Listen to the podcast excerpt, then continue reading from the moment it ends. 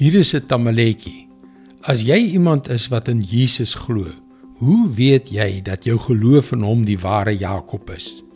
Want daar is dae wanneer jou geloof redelik treurig lyk, nie waar nie? Hallo, ek is Jockey Gouchee vir Bernie Diamond en welkom weer by Vars. En kyk, ons ervaar almal sulke dae, ek ook. Miskien is dit 'n vreemde ding vir 'n predikant om te erken, maar dit is waar. Maar wanneer ek onthou dat 'n mosterdsaadjie van geloof al is waarvoor Jesus vra en dat dinge nie van die grootte van my geloof afhang nie, is ek so dankbaar. Ja, dis waar, maar weet jy, daar is iets wat ek en jy kan doen wat sal help om enige twyfel uit die weg te ruim, iets wat ons met oorwinning vorentoe sal lei om God se plan vir ons lewens te ervaar.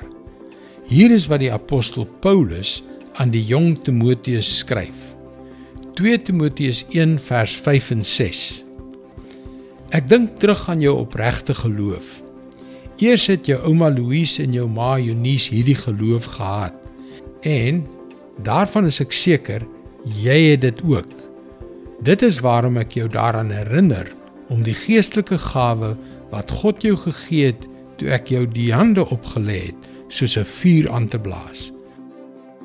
Die kern van die saak is Geloof sonder werke is dood. Dit is hoekom God wil hê dat jy die gawe wat hy vir jou gegee het, moet gebruik. Daardie unieke vermoë, daardie een ding wat jy beter kan doen as omtrent enigiemand anders wat jy ken. Want soos jy daardie gawe gebruik om ander tot sy eer te dien, sal daardie klein geloofsvlammetjie in 'n verterende vuur opvlam.